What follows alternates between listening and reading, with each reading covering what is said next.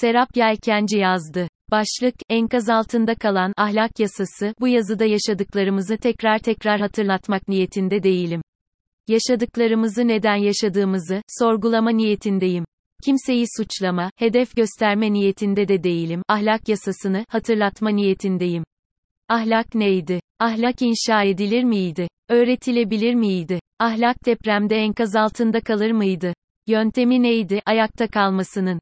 Ötekileştirmenin, ayrıştırmanın, yozlaştırmanın en üst noktada olduğu bu dönemde nasibini ahlak kavramı da aldı. Ahlak, artık ağızdan ağıza dolaşan bir şehir efsanesi haline gelmiş. Ahlak nedir, diye soramadığımız bir haldeyiz. Çünkü verdiğimiz olası cevap, hemen bizi, ötekileşecek bir etikete dönüşecek durumda. Bu şekilde iletişim ve ilişki kuramayız, kuramıyoruz da. İletişim ve ilişki eksikliğinin bedelini de can kayıpları ile ödüyoruz. Rakamlarla okuduğumuz canlar. Ahlak nedir? Cevap vermeye korkuyorum. Ahlak yasasının varlığını hangi enkazın altında kaldı? Ahlak yasası, nasıl davranmamız gerektiğine dair sorular sorar. İyi nedir? Dürüstlük nedir? Hırs nedir? Acımasızlık nedir? Nerede bizim erdemlerimiz? Cevap vermeye korkuyorum. Şimdi tüm olanları sembol üzerinden okuyalım.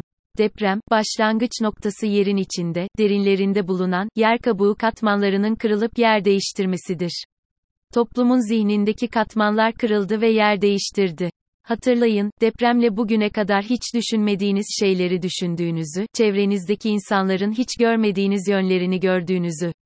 Belki yeni kararlar alacak cesaretini vardı aldınız ya da yoktu alamadınız ama, nöronlar arasındaki mevcut alışkanlığı olan sinapslarınız, yerini farklı bağlantı noktaları yaratmaya zorladı. Mevcut sinapslarınız kırıldı ve yer değiştirdi. Beyninizin içinde de deprem oldu. Doğa kendi bütünlüğünde hareket eder. Her bir parçası, bir diğeriyle esaslı ilişki içindedir. Humboldt, bir aydınlanma düşünürü olarak bize şunu söyler, doğa, insanı da kapsayan bir bütünlüktür. İşte bu sebeple, insan doğaya bakıp onun nasıl işleyişini anlayıp, kendi doğasını çözümleyebilir. İnsan ve doğa arasındaki bu bütünlüğü anlamamak, insanı doğaya her istediğini yapabilecek bir efendi gibi davranması yanılgısına götürmüştür. Bu efendilik yanılgısı, doğanın, haliyle insanın da sonuna doğru bir gidiştir. Doğanın merkezinde insan yoktur, doğanın merkezinde kendi işlerliği vardır. Dolayısıyla insan ve doğa çatışması gereksizdir. Doğayı anlamak için ise, fizik yasalarına başvurmamız gerekir. Newton, ışığın parçacıklardan oluştuğunu düşünmüştü, daha sonra dalga olduğu anlaşıldı.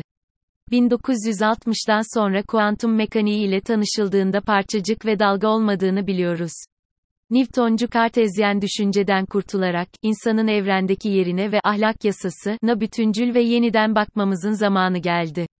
Bilimsellik, bildiklerimizin yanlış olduğunu bula bula gelişir ve evren, bütüncül bir açıdan düşünülürse, neyin olası neyin daha az olası olduğu kestirilebilir.